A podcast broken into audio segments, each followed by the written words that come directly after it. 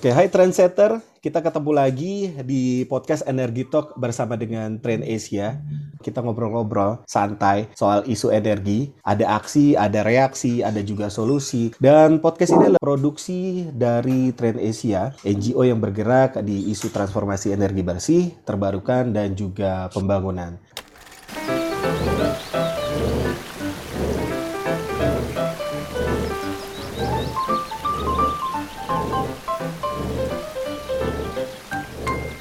Untuk hari ini, Aldi sudah ditemani Kak Mimi.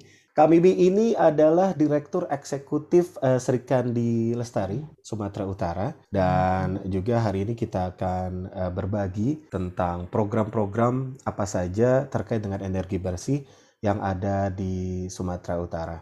Ya, Kak Mimi apa kabar? Alhamdulillah. Alhamdulillah sehat ya. Aldi penasaran tentang program-program yang ada di wilayah Sumatera Utara. Aldi mendengar ada program yang dibuat oleh teman-teman Sri Kandi Lestari di sana yeah. itu terkait dengan sekolah energi bersih. Seperti apa sih bentuknya? Apakah memang ini adalah sekolah gitu ataukah ini adalah gerakan untuk membuat masyarakat agar peduli dengan energi bersih? Ya, lebih tepatnya seperti sebuah gerakan, jadi bukan kami anti sekolah gitu ya kan. Cuman kenapa sasarannya pada sekolah? Kita ini kan ingin anak-anak muda, anak-anak sekolah itu yang melakukan kampanye terhadap energi bersih gitu. Jadi anak-anak sekolah itu akan kembali ke rumah dan mengatakan kepada orang tuanya bahwa sekolah kami Nah, itu menggunakan energi matahari loh, Ma. Kayak energi matahari loh, Pak dan mereka sangat biaya listriknya itu pembayaran bulanan listriknya itu itu sangat murah. Jadi okay. terus di samping pembiayaan juga anak-anak juga akan dipahamin apa itu energi bersih. Apa yang kita pakai listrik yang kita pakai sekarang ini dari energi apa? Nah itu kita pahami. Dan bagaimana dampak-dampaknya di tingkat tapak di tingkat pembangkitnya itu seperti apa Kak Mimi, kalau sekolah ini atau program ini sebenarnya digagas awalnya dari tahun berapa? Sekolah ini kami gagas awalnya dari tahun 2000, 2021 ya. 2021 kita mulai menggagas uh, sekolah ini. Hmm. Itu sih. Oke. Okay. Nah, jadi belum belum lama kali sih, cuman uh, masih mulai-mulai lah. Dan okay. paling tidak sudah berumur. Iya. Kalau ya. dari tahun 2021 ini apa yang membuat kami ini punya ide ini bersama dengan teman-teman? Apa yang mengawali? Apakah memang ada sesuatu di uh, wilayah Sumatera Utara yang memang menjadi concern dan itu akibatnya uh, membuat kami ini tercetus untuk membuat program ini? Jadi idenya itu begini, kita melihat bagaimana penderitaan masyarakat di tingkat tapak, baik dari lokasi pembangkit pembangkitnya maupun lokasi bahan bakar untuk pembangkitnya. Begitu. Dari hulu ke hilir, energi kotor itu itu sangat berbahaya, sangat merugikan. Nah, terus apa motivasinya terhadap masyarakat? Kan begitu. Yeah listrik itu kebutuhan gitu. Energi itu sekarang itu listrik itu sudah menjadi kebutuhan pokok saat ini. Nah kalau nggak dari situ mau dari mana? Nah masalahnya sekarang ini masyarakat itu banyak yang nggak tahu kalau energi matahari itu bisa dirubah menjadi energi listrik. Itu masalah masalahnya. Sehingga kita harus menginisiasi. Nah pemerintah sendiri banyak menggunakan energi matahari juga, tapi kayak setengah hati. Setengah hatinya apa? Meletakkannya pada lampu-lampu jalan. Berarti di sana kepedulian pemerintah bisa dibilang kurang dari setengah ya kalau dilihat karena kepentingan rakyat jadi hanya sekedar lampu jalan dan hanya memang sebatas itu. Ya sebatas itu. Uh, belum sampai ke wilayah yang lebih luas lagi, misalnya eh, sekolah-sekolah atau wilayah-wilayah lain. Saya belum lihat itu. Cuma kemarin itu uh, karena heboh tentang krisis iklim ini, mulailah digerakkan sama pemerintah. Kemarin itu Menteri SDM itu kan mengeluarkan program untuk energi bersih melalui uh, pemasangan solar panel. Yeah. Nah, itu dilingkan dengan PLN, begitu toh? Ketika yeah. kita tanya ke PLN, PLN memang nggak tahu menahu tentang itu. Lah, saya emang nggak ngerti. Untuk di untuk di wilayah Langkat tapi nggak tahu untuk daerah lain uh, sudah ngerti nggak dengan program uh, SDM itu maksudnya ketika kita kan harus dilingkan ini dengan dengan PLN yeah. nah, kita menawarkan diri boleh dong kita link kita kerjain bersama-sama kita pasang di sekolah-sekolah jawabannya kalau kalau nanti banyak yang memakai energi bersih maka PLN akan merugi Terus siapa yang pakai listrik yang mereka beli hmm. dari swasta itu? Tapi selama ini adakah program-program yang dibuat dari PLN sendiri untuk ah, masyarakat? Uh, belum ada, belum belum. Saya belum lihat. Kalaupun ada, tapi saya belum lihat. Berarti ini solar panel sementara dipakai hanya untuk kepentingan mereka, kepentingan, hanya untuk kepen, kepentingan PLN sendiri, agar listrik tetap bisa digunakan oleh masyarakat. Jadi untuk sektor yang vital, aku belum melihat itu mereka menggunakan uh, energi dari matahari. Jadi energi matahari itu hanya mereka mereka pakai itu di sepanjang ada lampu-lampu jalan tapi itu pun lampu jalan tidak semuanya memakai energi matahari. Nah, untuk sektor yang memang vital, nah itu kebutuhan rumah tangga atau apa, itu tidak dianjurkan untuk memakai energi matahari. Nah, sosialisasi dari pemerintah tentang energi bersih atau kata kalau bahasa dia baru terbarukan, iya. Uh, ya kan energi energi baru terbarukan itu nggak ada ke masyarakat. Jadi dianjurkan kayak ah, Nah, ini dalam posisi krisis iklim, maka dianjurkan setiap warganya itu memasang katakan satu keping, satu keping solar panel agar bisa hmm. membantu, bisa menyediakan itu, kan gitu kan? Tapi nggak ada. Jadi kalau dikatakan EBT program EBT energi baru terbarukan, aku melihatnya masih setengah hati. Mungkin kayak kayak ini ya, hanya jargon saja gitu atau bagian dari project ya hanya bagian, jargon dan lip service ya? ah, ya? nah itu bakal dapat nih duit dari sini kalau kita menggunakan EBT nah duitnya aja dulu diambil gitu okay. kan jadi kayak tender ya gitu sih mungkin Betul, ya? sepertinya nggak nggak nuduh juga oke okay.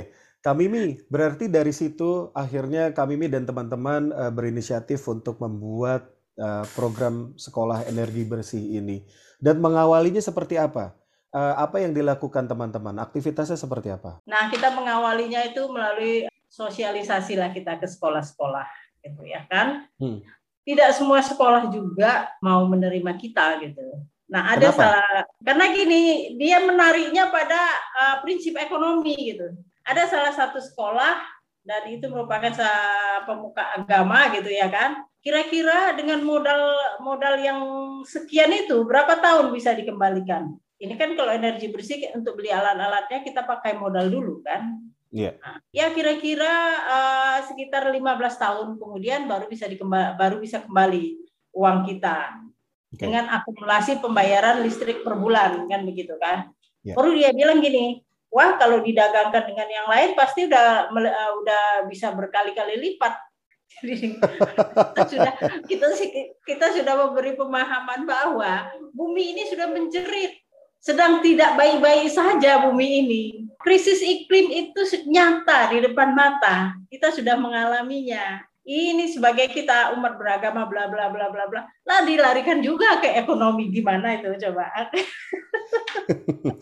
Berarti lebih memikirkan tentang keuntungan. Iya. Nah, kalau kita menggunakan energi baru terbarukan diakumulasikan dengan pembayaran listrik sekarang ini kembali tapi lambat. Ibaratnya kita bayar per bulannya itu 500. Nah, ya. itu bisa jadi 300. Kan bisa tersimpan 200. Nah, kalau dikalikan begitulah kan lambat per bulan 200 dengan uang sekian jadi begini bla bla bla segala macam. Nah, dia tidak mereka tidak tidak memikirkan dengan kita belajar menggunakan energi terbarukan berarti ya. kita yeah. itu memangkas sebagian penggunaan dari energi fosil itu sendiri. Karena kita masih listrik ini masih mengandalkan energi fosil menjadi bahan bakar utamanya gitu. Betul. Saya sudah gambarkan bagaimana pengambilan energi energi fosil di tingkat apa? Tambang-tambang batu bara di sana. Berapa korban yang sudah ditelan di sana? Berapa masyarakat yang dijadikan korban alam rusak dan lain sebagainya? Dan di tingkat di PLTU-nya sendiri di ya. pembangkitnya itu bagaimana masyarakatnya? Kita gambarkan seperti itu tapi mungkin kebetulan yang saya temui kemarin itu uh, dia hanya mikir ekonomi doang. Kalau setelah dilakukan pencerahan ke sekolah-sekolah, seperti apa uh, bentuk yang disampaikan kami Mi dan juga teman-teman? Kalau tadi ada istilah untuk investasi bisa dibilang gitu ya karena yeah. uh, karena alatnya harus dibeli terlebih dahulu dan juga nanti akan terganti di belasan tahun atau dalam jangka waktu 15 tahun ini seperti apa lagi uh, bentuk-bentuk pada saat ke sekolah-sekolah nah kita kan kerjasama dengan sekolah-sekolah kita katakanlah uh, ada beberapa sekolah dan akhirnya kita mengerucut pada satu sekolah di pesantren yang sangat berdekatan dengan PLTU Pangkalan Susu. Di situ kepala sekolahnya pemilik pesantrennya itu welcome. Memang kami butuh. Hanya persoalannya kami tidak punya biaya. Kan nggak mungkin. Uh, saya bisa aja minta ke perusahaan-perusahaan lain. Jadi setelah kami sepakati bersama, maka ayo kita uh, mengumpulkan dana publik. Maka kita buatlah kemarin pengumpulan dana publik sudah sekitar lima bulan. Alhamdulillah sudah terkumpul sekitar 2 juta lebih sedikit uh, dari berapa wilayah? Kebutuhan, kebutuhan yang yang kita butuhkan sekitar 70 70 juta. 70 juta. Baik. Nah, 70 juta kita butuhkan itu lalu kita kita menganggap ini kan mandek gitu ya kan. Iya. Yeah kok nggak jalan gitu. Yeah. Nah kita coba membuat produk berupa kaos bagi yang peduli dan semualah kita kita ini uh, tawarkan gitu. Alhamdulillah sekarang ini sudah laku uh, sekitar 5 PCS. Masih ini sih Mas. Jadi masih uh, jauh. Ketika, masih jauh dari harapan hmm. karena mungkin ini ya belum terketuk hatinya uh, penggunaan energi bersih. Nah itu kan di sekolah, kan ya. bukan di rumahku. Nah, mungkin mungkin begitu. Jadi uh, berbaginya itu masih atau mungkin cara kami yang belum menyentuh gitu. Kami ini apa yang membuat orang-orang ini eh, kalau tadi dibilang belum menyentuh, tetapi apakah pemahaman soal energi kotor dan juga energi bersih ini sudah tersampaikan ke masyarakat sendiri? Nah, pemahaman untuk di tingkat tapak sudah kita sampaikan.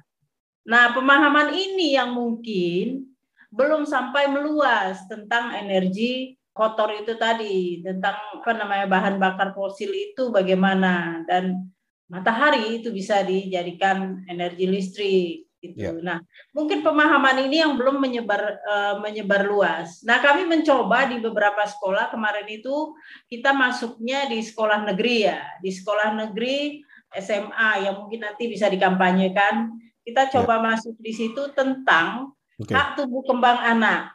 Nah, ketika udara kotor, air kotor, maka tumbuh kembang anak itu akan terganggu. Yang harusnya anak itu mempunyai hak sepenuhnya tentang tumbuh kembang. Negara itu harus me, e, memberikan atau mengawasi karena itu negara sudah meratifikasi tentang hak anak itu. Yeah. Tapi ada hak anak yang tidak diberikan di situ. Itulah sebabnya maka kita larikan udara kotor itu penyebabnya apa? Air kotor penyebabnya apa? Ketika mereka orang tuanya tidak mampu memberikan makanan sehat, itu karena apa? Nelayan tidak dapat mencari ikannya, petani apa namanya? Petani banyak yang gagal panen, itu karena apa? Nah, krisis iklim itu sebagian besar disebabkan apa? maka masuklah pada persoalan energi fosil. Anak-anak yang nanti akan mengkampanyekan bahwa penggunaan energi fosil itu sangat berbahaya. Okay. Itu arahnya. Tapi Baik. kita masih masuk kepada persoalan hak anak. Kita belum masuk ke situnya gitu. Berarti kalau dilihat apakah ini juga menjadi concern yang seharusnya dilakukan oleh pemerintah daerah sendiri untuk memberikan pemahaman, untuk berkampanye soal energi bersih, ke sekolah-sekolah mungkin ataupun ke tengah-tengah masyarakat. Apakah hal ini juga sudah berjalan selama ini? Nah, kalau kita memberikan pemahaman sudah dari 2017 kita sudah menjalankan itu dan kita juga sudah memberikan edukasi tentang hukum kepada masyarakat tingkat tapak. yang kasihannya masyarakat tingkat tapak ini ketika uh, mereka menyuarakan sedikit saja itu cenderung akan dibungkam. Nah, ketika mereka tidak paham apa hak mereka, itu yang menjadi uh, mereka jadi takut. Nah, pemerintah sendiri uh, saya belum melihat keseriusannya uh, dalam penggunaan energi bersih.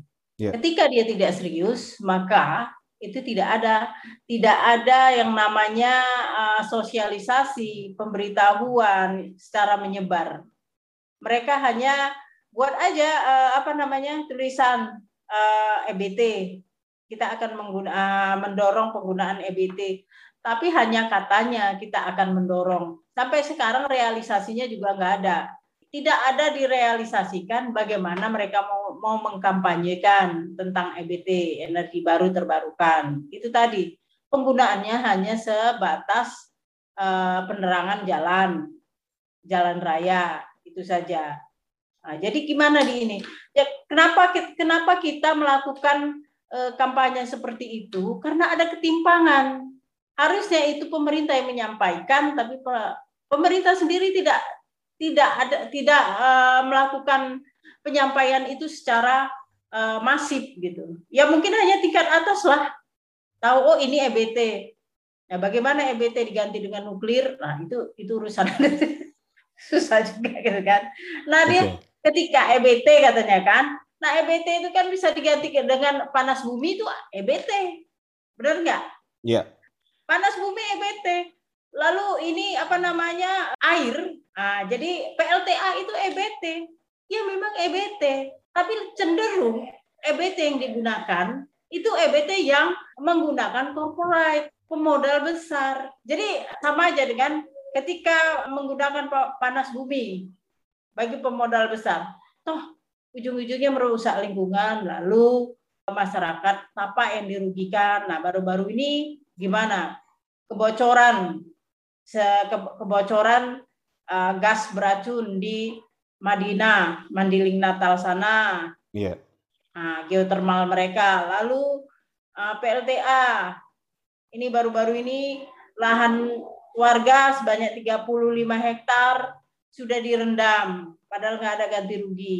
Nah, perusahaan hanya mau ganti uh, hanya mau mengganti uh, sekitar 6.000 peranti, 6 juta peranti. Hmm. Padahal di dalam di dalamnya itu sudah ada tanaman. Baru air bersih juga tidak ada jadinya di sana. Ya kan merugikan. Jadi dilihat juga.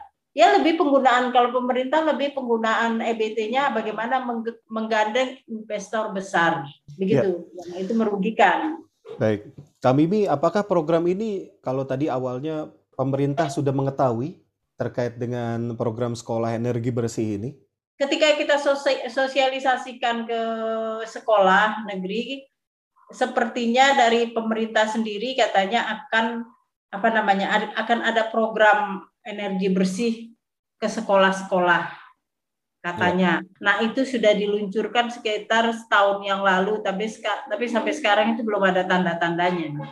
Hmm. Jadi belum ada tanda. Kita kita kita lihat nanti. Cuman sosialisasi tentang energi bersih itu itu yang memang eh, nggak uh, dapat. Penggunaan energi bersih yaudah penggunaan kayak penggunaan solar panel. Jadi masyarakat itu hanya anak-anak itu hanya tahu oh penggunaan solar panel hanya untuk menghemat bayar listrik aja gitu. Padahal kan ada cerita di belakangnya itu penggunaan energi bersih itu itu seperti apa gitu. Ya apa yang, yang disem, apa yang disembunyikan pemerintah sendiri yang uh, kami ingin sampaikan Uh, kalau tadi kan anak-anak hanya tahu bahwa penggunaan solar panel ini ya biar bayar listriknya lebih murah gitu ya, jadi nggak berat-berat banget. Nah sebenarnya apa yang masyarakat juga belum tahu uh, soal permasalahan ini? Ya jadi uh, penggunaan uh, apa namanya kecanduan pemerintah menggunakan energi fosil itu harusnya diterangkan akibatnya kepada masyarakat tingkat tapak, kepada masyarakat umumnya. Harusnya diterangkan negara demokrasi kok ya kan? Semua orang bisa cakap gitu ya kan? Nah, tapi demokrasi yang seperti apa yang kita kita jalani sekarang ini? Kita nggak tahu lah cerita demokrasi. Nah tapi ada yang disembunyikan. Aku yakin ada ada yang disembunyikan karena ketidak terus terangan pemerintah terkait penggunaan energi fosil dan akibat yang ditanggung oleh masyarakat tingkat tapak. Penggunaan energi batu bara itu sangat murah. Nah, kalau kita di seksi killer itu perbandingannya kan eh, per satu kWh itu kalau nggak salah ya, eh, kalau pakai gas 600 gitu. Lalu yeah. pakai pakai batu bara 300. Kenapa bisa murah pakai batu bara 300? Karena ongkos lingkungannya itu ditanggung oleh masyarakat tingkat tapak dari hulu ke hilir. Masyarakat itu menanggung kerusakan lingkungan yang diakibatkan oleh batu bara ini tadi. Dari kerusakan lingkungan sampai penyakit yang diderita oleh masyarakat sampai pada persoalan kesehatan masyarakatnya yang menanggung. Nah pihak pihak pengusahanya nggak nggak mau menanggung nggak menanggung itu gitu. Paling-paling ah nanti kan ada ada dana CSR sampai di mana dana CSR itu ngasih paping blok bagian dari dana CSR. Wow. Jadi gitu. Uh, aku melihatnya patut diduga pemerintah sekarang ini lebih lebih menguntungkan para investor ketimbang rakyat yang banyak yang memilihnya investor itu hanya lima, misalnya hanya lima, tapi ada seribu rakyat yang memilih dia duduk di atas sana. Nah, tapi itu setelah jadi mereka nggak dianggap semua, mereka dijadikan korban. Kak Mimi, kalau dari apa yang sudah dirasakan oleh masyarakat sendiri, dampak kesehatan, lingkungan, dan juga yang lain-lain, berarti apa yang sudah dilakukan juga oleh masyarakat untuk menyuarakan hal ini? Apakah masyarakat juga sudah sadar bahwa dampaknya sudah sejauh ini terhadap kesehatan mereka, terhadap ya. uh, lingkungan mereka? Apakah memang masyarakat sudah mulai bersuara soal hal ini? Masyarakat tingkat tapak sudah mulai bersuara dengan kita beberapa kali melakukan kampanye ya. Eh, kampanye yang kita lakukan pada seperti di film sesak dan kita lemparkan ke istilahnya kita uh, publikasikan maupun yeah. Baradwipa yang kerjasama dengan tren Asia sudah mulai ada bereaksi, tapi ada juga yang nggak mau bereaksi. Karena ada beberapa masyarakat yang diuntungkan dan ada yang dirugikan begitu. Seperti apa yang diuntungkan dan juga seperti apa yang dirugikan, Kamimi? Nah, kalau yang diuntungkan itu, uh, jadi misalnya gini, uh, ada masyarakat yang tadinya kritis, yang aja apa pimpinannya, pimpinannya itu, nah dikasih aja proyek ke dia. Masyarakat, eh bukan masyarakat ya, oknum-oknum yang mendapat keuntungan di situ. Kalau masyarakat yang dirugikan yang, yang masyarakat yang inilah yang memang sama sekali tidak diperhatikan. Ketika sakit harus berobat sendiri ketika uh, apa namanya ketika bencana ada bencana nggak panen padinya nggak panen uh, apa namanya usaha pertaniannya harus ya. tanggung sendiri nah yang lebih signifikan itu ketika uh, ini anak-anak sana kan sudah kena gatal-gatal ini yeah. gatal-gatal gatal-gatalnya melepuas dan sampai demam dan anak-anak di sana itu harus mengkonsumsi obat setiap hari. Memang obat apa? semua, obat apa banyak. Kamu? Jadi obat obat obat antibiotik, baru obat uh, anti peradangan, apa namanya ya, dexamit dexamitason salah satunya. Nah ya. anak-anak itu tiap hari itu harus mengkonsumsi itu. Nanti kalau seandainya berhenti mengkonsumsi, maka kambuh lagi. Kalau dilihat dari para stakeholder Pemda hmm. Sumatera Utara sendiri, eh, ini aware gak sih atas program ini? Kalau tadi eh, misalnya dibilang setengah hati, tetapi ada gak sih pihak-pihak lain yang juga mengatasnamakan pemerintah misalnya di Sumatera Utara ini aware terhadap program eh, sekolah energi bersih ini? Kita belum kalau dikatakan saya nggak nggak nggak ini ya, karena kita belum menggandeng ke pemerintahan gitu. Kita mencoba kemarin itu ke ke PLN karena kita kan mau sounding dengan program SDM itu ya kan. Iya. Uh, tapi pihak pihak PLN sendiri kan sudah mengatakan bahwa uh, apa namanya ya kami nggak tahu ada program itu gitu. Kita belum sampai harus diakui Sri Kandi belum belum sampai menggandeng ke pemerintah. Baik. Begitu. Ada ya, rencana ada ini. rencana untuk uh, menggandeng pemerintah khususnya pemerintah uh, daerah? Insya Allah ada rencana. Mungkin kita akan menggandeng, mencoba menggandeng ke pemerintah Kabupaten Langkat yang terdekat dahulu sebelum ke provinsi.